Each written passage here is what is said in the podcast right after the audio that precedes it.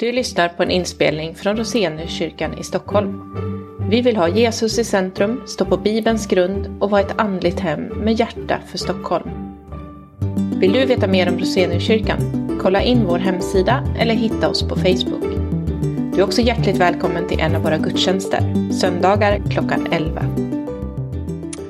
Vi ber tillsammans. Evige Gud, himmelens och jordens Herre. Du ser vår benägenhet att lämna dig, skaparen, och tillbe skapade ting som inte kan hjälpa. Förlåt oss, för oss tillbaka, håll oss nära dig och låt våra liv vara ett vittnesbörd för dem vi lever bland. Genom Jesus Kristus, din Son, vår Herre. Amen.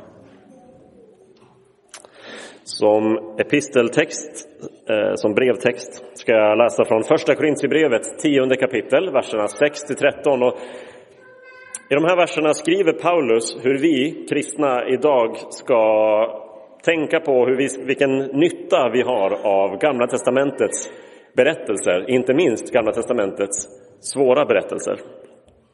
Så här skriver Paulus. Det som hände dem har blivit ett varnande exempel för oss, för att vi inte ska ha begär till det onda som de hade. Bli inte heller avgudadyrkare som några av dem, som det står skrivet, folket satte sig för att äta och dricka och reste sig för att roa sig. Vi ska inte heller begå sexuell synd som några av dem gjorde. På en enda dag föll 23 000. Och vi ska inte fresta Kristus som några av dem gjorde. De dödades av ormar. Klaga inte heller som några av dem gjorde. De dödades av fördärvaren. Det som hände dem är exempel och det skrevs ner för att varna oss som har världens slut in på oss. Därför ska den som tror sig stå se till att han inte faller. Ingen annan frestelse har drabbat er än vad människor får möta. Och Gud är trofast. Han ska inte tillåta att ni frestas över er förmåga. Samtidigt med frestelsen kommer han också att ge en utväg så att ni kan härda ut. Så lyder Herrens ord. Gud, vi tackar dig. Vi sjunger nummer 416 i Lova Herren, Aldrig är jag utan fara.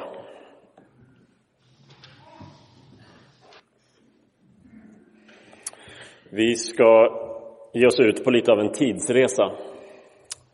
Eh, vi kommer i huvudsak färdas ganska långt tillbaka, men vi ska göra ett kort stopp på vägen tillbaka till domarbokens tid för att förstå lite grann varför vi gör det här.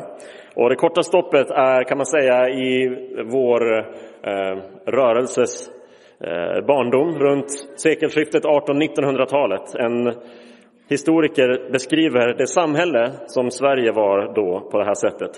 Kyrka och samhälle bildade en enhet. Kyrkan omslöt varje individ från vaggan till graven. Dop, nattvard och kyrkogång gjordes till medborgerliga plikter. Att vara en god medborgare och en god lutheran sammanföll således. Så beskriver Karl-Axel Lundqvist tiden runt sekelskiftet 1800-1900-talet. Och det är en väldigt annorlunda tid än den vi lever i nu. Vår kultur kan man med rätta beskriva som postkristen och pluralistisk. Vi lever omgivna av nära människor som tror på och lever för alla möjliga saker. Pluralism betyder helt enkelt mångfald. Men inte bara mångfald som ehm, fenomen, alltså att det finns många olika alternativ, utan också mångfald som ideologi. En, en ideologi som säger att alla val, ytterst sett om vad man ska tro på och leva för, är personliga, privata och precis lika bra utom de som inte är det. För någonstans anar man att även om vårt samhälle är fullt av ehm, ett kulturellt och institutionellt kristet arv så finns det någon typ av gemensam känsla av att det där är någonting vi har lämnat bakom oss. Det här är en utmanande situation för oss kristna, att leva i ett postkristet och pluralistiskt samhälle. Hur, hur ska det gå för oss? Ja, vi åker vidare på vår tidsresa. Vi åker till tiden ungefär 1200 till 1000 år före Kristus. Och när vi kommer och landar i den tiden, i domarbokens tid, så upptäcker vi att vår situation att leva omgivna som vi är av eh, andra folk och andra gudar inte egentligen är en undantagssituation utan på många sätt normen. Guds folk har alltid levt i Guds värld fast också omgivna av människor som tror, tänker och lever annorlunda. Så vi stiger in i domarbokens tid som är en kaotisk tid. Det är en nedgångsperiod för Guds folk med moraliskt och med andligt förfall. Vi kommer se att Guds folk inte är immuna mot frestelserna och svårigheterna med att leva i en sån tid som de gör. Hur ska de kunna leva troget Gud och leva eh, distinkt annorlunda från de omgivande folken och deras gudar? Det är spänningen som driver domarboken framåt. Men jag ska ge en liten spoiler som kanske lite grann sabbar den spänningen, men eh, domarboken gör det själv som en liten trailer i början. Guds folk kommer att misslyckas. Gång på gång. Historierna i domarboken är spännande och dramatiska men djupt frustrerande och stötande samtidigt. För de mänskliga karaktärerna, varenda en, också de vi skulle vilja tänka på som bokens hjältar, är så ofta ute och cyklar. Är vilsna, brustna. Det finns bara en hjälte i domarboken och det är Gud själv. Och tack vare Gud så är Guds plan inte körd, för vi ser Guds trofasthet i en kaotisk tid. En period, en tid då Gud fortsätter att vara sig själv. Då Gud fortsätter lyssna och svara på sitt folks förtvivlade rop, även när krisen de är i beror på att de övergav honom. Vi kommer se hur Guds löften blir verklighet, inte tack vare utan trots väldigt trubbiga mänskliga redskap som Gud har att jobba med. Här i Roseniuskyrkan, när vi säger att vi vill stå på Bibelns grund, så är en sak vi menar med det är att hela Bibeln är till nytta för oss. Vi behöver de trösterika verserna, de vackra, de eh, underbara verserna, de som är lite som en söt karamell som man gärna går och, och suger på. Men vi behöver faktiskt också de varnande bitarna, de som mer liknar en besk medicin för sjukdomar som plågar Guds folk. Så därför ska vi ta itu med domarboken och Rut under några veckor. Eh, och jag hoppas ni kommer tycka att det är lika spännande som vi tycker som eh, studerar och ska få dela något ur boken med er i predikan. Med det sagt ska jag läsa dagens predikotext från Domarbokens andra kapitel, och vers 6 till kapitel 3, vers 6. I Jesu namn. När Josua sände iväg folket gick Israels barn var och en till sin arvedel för att ta landet i besittning. Folket tjänade Herren så länge Josua levde och så länge de äldste levde, de som var kvar efter Josua och hade sett alla de storverk som Herren hade gjort för Israel. Och Herrens tjänare Josua, Nuns son, dog när han var 110 år gammal. Man begravde honom på det område som var hans arvedel, i Timnat Heres i Efraims bergsbygd norr om berget Gaash. Och hela den generationen samlades till sina fäder. Då växte en annan generation upp efter dem. En som inte kände Herren eller de gärningar som han hade gjort för Israel. Och Israels barn gjorde det som var ont i Herrens ögon och tjänade balerna. De övergav Herren, sina fäders Gud, som hade fört dem ut ur Egyptens land och följde andra gudar, gudarna hos folken som bodde omkring dem. De tillbad dem och väckte därmed Herrens vrede. Så övergav de Herren och tjänade Baal och astarterna. Och då upptändes Herrens vrede mot Israel och han gav dem i händerna på rövare som plundrade dem. Han sålde dem till deras fiender runt omkring och de kunde inte stå emot sina fiender längre. När helst de drog ut var Herrens hand emot dem till deras olycka, så som Herren hade sagt och så som Herren hade lovat dem med ed. Och de var i stor nöd. Då lät Herren domare uppstå som frälste dem ur deras plundrares hand. Men de lyssnade inte heller till sina domare utan höll sig trolöst till andra gudar och tillbad dem. De vek snabbt av från den väg som deras fäder hade vandrat i lydnad för Herrens bud och gjorde inte som dem. När Herren lät domare uppstå bland dem var han med domaren och frälste dem ur deras fienders hand så länge domaren levde. Herren förbarmade sig när de jämrade sig över sina förtryckare och plågare. Men när domaren dog vände de sig bort igen och blev ännu mer fördärvade än sina fäder. De följde andra gudar och tjänade och tillbad dem. De avstod inte från sina gärningar och sin hårdnackade hållning.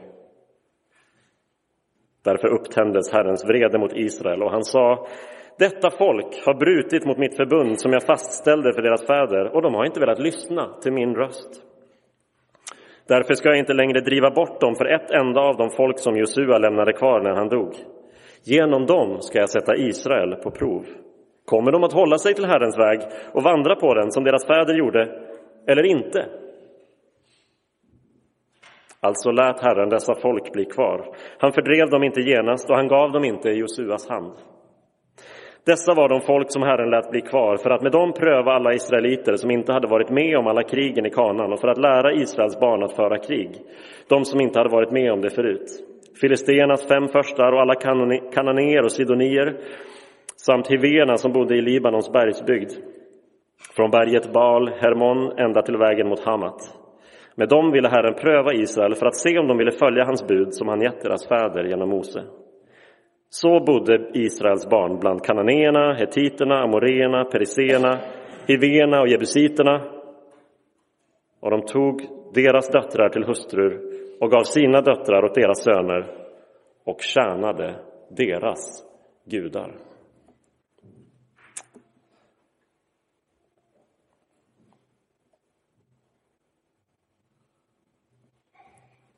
Vi ber. Ja, Gud, tack för att Bibeln är så ärlig. Tack för att det inte är en nostalgisk bok som skildrar guldålder efter guldålder och perfekta människor, utan som skildrar människor sådana som vi. Tack för att i denna ärlighet, i all denna, alla dessa komplicerade historier, all denna blandning av gott och ont, så möter vi dig som alltid är trofast som alltid är rakt igenom god och som alltid bryr sig om sitt folk. Hjälp oss att höra vad du vill säga till oss genom eh, det här avsnittet vi just har läst. Hjälp oss att tro dig, känna dig och tjäna dig. I Jesu namn. Amen.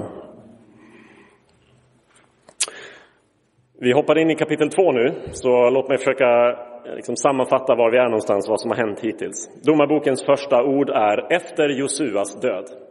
Så det är en bok som tar vid precis där, där, domarboken, eh, eh, där Josuas bok slutar. Och vi ser här i början av domarboken hur Josua lyfts upp som en hjälte. Det står att folket tjänade så, här, så länge Josua levde, i vers 7 som vi läste. Och det kopplas till att Josua själv var Herrens tjänare. Just för att Josua själv tjänade Gud var han en mäktig ledare för sitt folk. Hans, framgången i hans ledarskap handlar inte om att han var en god ledare utan att han var en god tjänare åt Gud själv. Och Domarboken skulle vara en väldigt annorlunda bok ifall de som följde efter som ledare också tjänade Herren på samma sätt. Men så kan vi se att eh, Josua bok som slutade eh, med med starka och, och, mäktiga ord om hur Gud höll sitt löfte till Israels barn och gav dem det här landet som han hade lovade. Kan vi se när vi lämnar Josua och kommer in i domarboken så får vi ett kompletterande perspektiv. Gud hade hållit sina löften, han hade gett dem landet. Men Guds folk hade inte helt och fullt gjort sin del och tagit landet i besittning, tagit över alla de områden som fanns där. Folket liksom agerade halvhjärtat och drev inte bort de andra folken trots att Gud hjälpte dem vart de än gick fram. Om vi läser i Domarboken 1 så står det hur stam efter stam, när de försöker inta ett område så hjälper Gud dem. Men någonstans så slutar de bry sig om det där, börjar kompromissa. Och Gud konstaterar i, precis före eh, det vi läste, ni har inte lyssnat till min röst. Ni har inte gjort färdigt det jobb ni fick. Då behöver vi stanna upp lite grann. För när vi står inför den här situationen att Gud har sagt ta in hela, inta hela landet, driv ut de andra folken och Israel inte gör det så kanske vi tycker att Israel är lite mer sympatiska än Gud själv. Eller hur? Det är någonting djupt stötande för oss att läsa om Israels liksom, invasionskrig i Kanans land. Då finns det några saker, jag kan inte ägna den här stunden åt en föreläsning om krigen i Gamla Testamentet, men jag vill säga några korta saker för att korrigera eh, och belysa vårt perspektiv på det här. Det vi läser om är inte en etnisk rensning.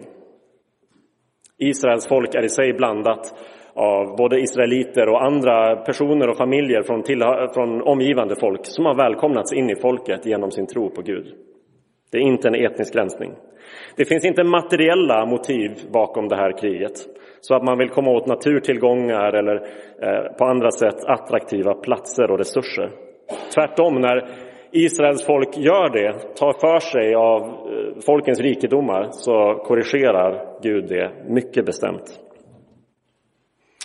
Om vi ska säga någonting om vad det vi ser här så skulle vi kunna säga att det är ett förskott på Guds rättvisa. När Gud för 400, 400 år tidigare hade lovat Abraham att få det här landet så sa han, ni ska få det här landet, men inte nu. Först måste folken som bor där, först måste deras synder ha nått sitt fulla mått. Gud flyttar inte lättvindigt undan de här folken från sitt land. Deras synder, deras samhälle och deras kultur behövde liksom löpa linan ut innan Gud var beredd att döma den. Och några av de aspekterna av att deras synder nått sitt fulla mått kommer vi komma tillbaka till strax. Gud kommer att döma hela världen en dag, kommer döma all världens ondska och tack och lov för det. Någon måste sätta ner foten mot allt det onda som sker i historien. Här var ett undantag där Gud gjorde det i historien. Och det intressanta är, i bokens första stycke så erkänner en av Kanans kungar att det som händer är rättvist. Han säger Gud har vedergällt mig för vad jag har gjort. Hans sätt att använda sin makt var förtryckande, var grymt och när han själv eh, besegras av Israel så erkänner han Guds rättvisa. Det finns mycket mer att säga om krigen i Gamla testamentet men eh, vi kan inte uppehålla oss där allt för länge. Vi skulle kunna ta en liten jämförelse bara. Om vi tänker på andra världskriget som är lite närmare oss i tiden. Varför skulle de allierade invadera Normandie den 6 juni 1944? Det är väl inte Frankrike som är fienden? Varför eh, gå i land där och kriga och det kommer, franska städer kommer förstöras och allt sånt där? Nej, Frankrike är inte fienden. Men de står under inflytande och under kontroll av en destruktiv makt som hotade hela Europas existens. Från invasionen dagen D myntades ett nytt ord i engelskan, beachhead. Det handlar om att ta en strand och använda den stranden som ett fotfäste, som en plats där man kan ta spjärn för att sedan pressa framåt. I domarboken så är det egentligen inte kanans folk i det större perspektivet som är fienden. Guds fiender, det är synden och ondskan i världen. Men för att kunna välsigna hela skapelsen och befria den från det onda behövde Gud etablera en, en sån landremsa, en beachhead, ett ställe där han kunde ta spjärn. Ett land och ett folk som levde i gemenskap med honom och vars levnadssätt och kultur kunde vara som ett skyltfönster för alla världens folk på hur det är att leva i harmoni med skaparen. Det var Guds avsikt. Vi är också indragna i konflikten mellan gott och ont, men ingen levande människa är vår fiende. Konfliktlinjen mellan gott och ont går inte mellan människor utan rakt igenom var och en av oss. Så när vi läser om den här konflikten, om kampen i domarboken, har den något att säga oss, men inte omedelbart på samma sätt. Okej. Okay. Märkte ni att början av den här berättelsen liksom introducerar en konflikt och därmed en spänning som, som blir nerven i hela den här berättelsen vi läste? Så länge Josua levde och så länge de äldste levde tjänade man Herren. Så länge de levde. En liten ledtråd, en liten antydan. Vad, vad kommer hända nu? Vad kommer hända sen? De lever inte för evigt. Vad händer när Josua dör och den generationen? Ja, när dramat och handlingen kommer igång så är det en dyster berättelse. Det står från vers eh, 10 att en annan generation växte upp som inte kände Herren. Och det där får oss ju att spekulera i vad var det som gick fel? Vad var det som inte funkade i överföringen från en generation till en annan av tron på Herren, Israels Gud? Det är svårt att tro att barnen som växte upp inte, så att säga bokstavligt, inte hade hört talas om Gud och vad han gjort. På något sätt, vi vet inte exakt hur, på något sätt överfördes inte en varm och levande och personlig relation till Gud till nästa generation. Bibeln pekar inte finger på vems fel det var. Var det föräldrarna som, som misslyckades, som hade tråkiga andakter? Eller var det barnen som inte ville lyssna? Vi vet inte. Men det är en stor sorg att läsa en sån sak. Någonting som bör beröra oss, särskilt oss som har en ung generation ibland oss, kanske i våra egna hem. De kände inte Herren och började därför tjäna andra gudar. Och så presenteras några gudar för oss. Baal eller Baal eller hur man nu vill uttala det och Astarte, herr och fru Gud i kanan. Baal var den manlige guden, stormens och fruktbarhetens gud och Astarte var hans fru. Det var kanans mest populära gudar. Men de hade en lokal variation, med, de kunde heta lite olika saker och gillade du inte den här varianten så fanns det en annan i byn bredvid och så vidare. Baal och Astartes roller var att ge fruktbarhet, att ge bra skörd. Det är något som kan framstå som trivialt för oss som plockar grönsaker och grejer i butikshyllan, men helt livsavgörande för folk som levde av jordbruk, att man fick en god skörd. Så vi ska inte allt för lätt tänka att det där är primitivt eller korkat. Men här finns något djupt liksom osunt och destruktivt i den här formen av andlighet. Fruktbarhetsgudar, och hur tillbad man dem då? Ja, människans roll var att inspirera de här gudarna. Framförallt män gick till Baals tempel, besökte tempelprostituerade och det de gjorde tillsammans i det där templet skulle liksom skulle inspirera Baal och Astarte att ge god skörd till landet. Vilken bekväm religion för den som vill rationalisera en omättlig sexuell aptit. Ja, du vet, det är bra för veteskörden. Det är därför jag gör det. Ett så förvirrat, så destruktivt system där andlighet och sexualitet visar sig från sina sämsta sidor. Så dystert att det folk som känner Herren tar efter det men så fantastiskt att när Guds folk glömmer så minns Gud. Gud är inte partisk och inte kall. Han är inte partisk, vilket betyder att de här konsekvenserna som han har lovat sitt folk av att bryta mot förbundet kommer att bli verklighet. De förlorar sin frihet, de förlorar sitt land, de förlorar gemenskapen med Gud som gett dem liv och frälsning och de liksom degraderas i sin mänsklighet. De förnedrar sig själva genom sitt beteende. Gud är inte partisk. Han har inte utvalt Israel för att de är på något sätt hans favoriter. De skulle vara hans redskap så att han kunde välsigna alla folk. Och om de inte tänker uppfylla den uppgiften så kommer det komma konsekvenser. Men Gud, tack och lov, är heller inte kall. I vers 18 står det att folket jämrade sig. Det här ordet förekommer bara tre, fyra gånger i Gamla testamentet. Och förutom det här tillfället så är de flesta i början av Andra Mosebok. När folket är i fångar i Egypten, slavar under farao och de jämrar sig. Och Gud hör och Gud minns sina löften och han känns vid sitt folk som sitt eget. Och så räddar han dem från farao i Egypten och från Kanans kungar i deras eget land. Igen och igen och igen. Kapitel 2 börjar med att Gud uttryckligen minns vem han är. Jag förde er upp ur Egypten, in i det land som jag lovat att ge era fäder. Och jag sa, jag ska aldrig bryta mitt förbund med er. Och så sände Gud domare, militära anförare som eh, vi under de kommande veckorna ska få stifta bekantskap med. Några av dem i alla fall, som Debora och Gideon och Simson. Tack och lov för att Gud minns även när hans folk glömmer. De verserna i mitten av kapitel 2 om hur, om hur Israels folk lämnar Gud och vad som händer då, de funkar som en trailer för vad som kommer hända i hela domarboken. En cykel som kommer att upprepas igen och igen. Israel överger Herren, Herren blir vred och låter dem få sin vilja igenom. Okej, okay, ni ville lämna mig. Ha så kul. Det uppstår kris och förtryck i folket och i landet. De förtrycks av sina fiender. Israel ropar. Herren sänder domare och genom dem befriar Herren Israel. Det blir fred, domaren dör och folket vänder sig bort och så börjar det om igen. Varv efter varv efter varv. Men vers 19 säger att när domaren dog blev det ännu värre än generationen före.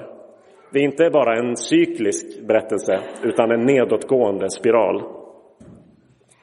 Välkomna till Bibelns mest dystra bok. För eh, lite drygt tio år sedan släppte Lundaprofessorn Svante Nordin en bok om 1900-talets filosofer. Och han kommenterade det, eh, den boken så här i en tidningsartikel. Dagens unga lever i en illusion de ser inte skörheten i vår moderna civilisation. Allt som hände före 1989 tycks vara bortglömt. Att läsa om världskrigen har blivit som att se en spännande film. För de som fötts rakt in i den moderna och globaliserade världen kan historien uppfattas som tillryggalagd, avslutad, passé.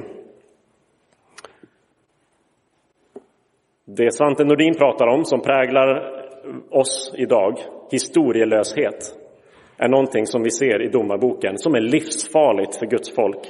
Att glömma, att ha liksom en kollektiv minnesförlust där vi glömmer bort vad Gud har gjort för oss i historien, det är ungefär det värsta som kan hända Guds folk. Gud förde sitt folk upp ur Egyptens slaveri och gav dem ett land. Det är Gamla testamentets viktigaste händelse. Men också Nya testamentet handlar om vad Gud har gjort i historien. Hela vår tro handlar om vad Gud har gjort, handlar om en historia, den verkliga historien där Gud grep in och befriade oss, inte bara ur slaveriet under farao, utan där Gud kom själv i Jesus och befriade oss ur slaveriet under synden. Gud har gett oss så mycket mer än tillfälliga och bristfälliga mänskliga räddare. Gud kom själv, den enda som verkligen kunde lösa vårt problem, Jesus Kristus. Den där historien är fortfarande verklig livsviktig och vi lever fortfarande i den. Vi har ärvt historien, vi måste förvalta den, föra den vidare och vi deltar i den. Så vi, Guds folk, är kallade att komma ihåg. Och Det betyder att vi vuxna och äldre måste tänka igenom hur vill vi föra den här tron, den här historien vidare till våra barn och unga. Och den yngre generationen behöver se upp med frestelsen att avfärda de äldre som förlegade och mossiga. Det ligger på båda generationer att ta ansvar för det, men allra mest förstås på vuxna och äldre. Vi behöver minnas den bibliska historien som är den historia vi lever i. Men jag tror att vi också skulle göra rätt i att minnas vår mer omedelbara historia. Vad Gud gjorde för och genom de generationer som levde just före oss, så att vi kan inspireras av dem och förvalta det som de har gett oss. Strukturer och institutioner, byggnader som den här, traditioner. Allt det där är ju sekundärt och förhandlingsbart jämfört med evangeliet. Men allt det har vunnits genom hårt arbete. Om vi glömmer det kan vi löpa risken att ta det för givet och liksom rycka på axlarna och sen så går det där förlorat över tid. Vi är inte bara individer i nuet. Vi hör ihop med varandra och med Guds folk i alla tider. Tvärs över alla kulturer och tidsåldrar tillhör vi samma Gud som minns, som griper in och räddar och befriar. Vi är inte kallade till nostalgi, men till att minnas, förvalta och lära oss av vår historia. Tillbaka till den här berättelsen. Den första spänningen som hängde i luften. Vad kommer hända med nästa generation och hur kommer Gud eh, agera i nästa generation? När vi lämnar den här andra scenen och vi har fått den här eh, destruktiva, negativa spiralen som utvecklar sig i folket blir spänningen som hänger i luften. Vad kommer nu hända med folket och med Guds syften? Och vi läser i kapitel 2, vers 20 att Gud konstaterar det här folket har brutit mitt förbund. Så dystert. Och ännu mer dystert, ännu mer uppseendeväckande inser man när man eh, kikar på eh, hebreiskan som ligger till grund för den här översättningen. Och det är ju skönt att det finns experter som kan lära oss sånt. Vanligtvis när Gud talar om sitt folk i Gamla Testamentet så använder han ordet am, folk, eller ami, mitt folk. Och så kontrasteras det med goj och gojim, hedningarna.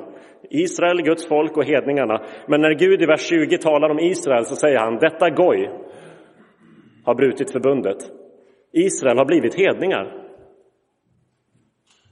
Det är ungefär det sorgligaste som skulle kunna hända. De han befriade för att ge dem ett land där de skulle leva som exempel för hela jorden, för att välsigna alla folk. De har blivit som alla folk. Hur ska Guds plan kunna fortsätta då? De skulle vara ett kontrastfolk, ett ljus i mörkret. Och så släckte de lampan. Och hela berättelsen slutar i en tragisk motsats till hur den började. I kapitel 2, vers 6, de tjänade Herren. Kapitel 3, vers 6, de tjänade folkens gudar. De är inte friare eller mer sina egna än de var innan. De har bytt en tillhörighet under den verkliga guden mot en tillhörighet till små lokala stamgudar. Det här är vad vi, Guds folk, är benägna att göra i varje tid. Men hur ska vi kunna vara Guds redskap om vi släcker lampan och glömmer den kallelse Gud har gett oss? Jag blir påmind om, som säkert ni också, om eh, Kents hitlåt De andra från albumet Vapen och ammunition. Om ni inte blir det så kan jag läsa några textrader för er. Vi kommer inte längre. Vi är tillbaks på noll. Men ingen kommer sörja, vi har spelat ut vår roll. Vi glömmer hela skiten, det betyder ingenting. Vi skulle kommit längre, men det räckte inte till. Vi blev som de andra. Vi blev som de andra. Vi blev som de andra. Åh, vad sorgligt när Guds folk blir som de andra. Vi är inte kallade till att föra krig, men till att känna och tjäna Gud. Tillhöra Gud, inte omvärlden. Vi lever i en tid av religiös relativism, av normlös sexualitet. Och Gud har kallat oss till att vara och leva annorlunda. Jesus sa, ni ska vara ljus och salt. Men inte är det lättare idag, för avgudarna är liksom målade mer i gråskala än vad vi tycker åtminstone när vi läser domarboken. Alltså man vet ju om man har gått till ett balstempel. Det är svårt att förneka. Men hur vet man om ens karriär, eller ens pengar, eller status, eller jakten på den rätta, eller mat eller dryck har blivit till en avgud för en? Det är jättesvårt att veta. Det vi kan göra är att kontinuerligt vända om till Gud och be om förlåtelse och hjälp och urskiljning. För vår egen skull och för att världen behöver ett Guds folk som lever distinkt. Hur ska de annars lära känna Gud? Inledningen till Domarboken är en berättelse utan lyckligt slut. Under de kommande veckorna så kommer vi följa utvecklingen när Guds folk, när Gud förlåt, räddar sitt folk gång på gång med hjälp av allt mer trubbiga och bristfälliga redskap. Domarna blir bara sämre och sämre, precis som folket omkring dem. Men när vi läser det så ska vi se den verkliga hjälten. Gud som griper in, som hör när hans folk jämrar sig, som förbarmar sig, som befriar och som håller det löfte han sa i kapitel 2, vers 1. Jag ska aldrig bryta mitt förbund med er.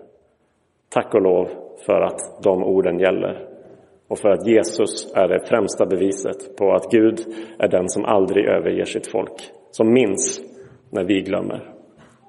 Vi ber.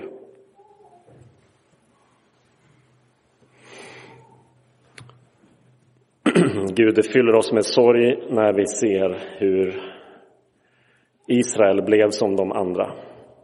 Men är vi ärliga så inser vi att det här är frestelsen och tendensen för oss också. Så vi måste be dig om hjälp. Vi är tacksamma för att vi lever i en tid då du inte har kallat oss till krigföring utan till att vittna om evangeliet om Jesus. Vilken förmån att få känna dig, Jesus, Du som är den verklige befriaren. Vilken förmån att få känna dig och leva annorlunda och vittna om dig i den här världen. Och ändå vill vi så ofta bara vara som de andra. Som om vi inte kände dig. Så Gud, när vi glömmer, tack för att du minns. Påminn oss, väck oss, varna oss. Hjälp oss att söka kraft i ditt ord, i din ande och i varandra. Tack för att du är den som aldrig bryter ditt förbund. Vi behöver dig Jesus, nu och alltid. Amen.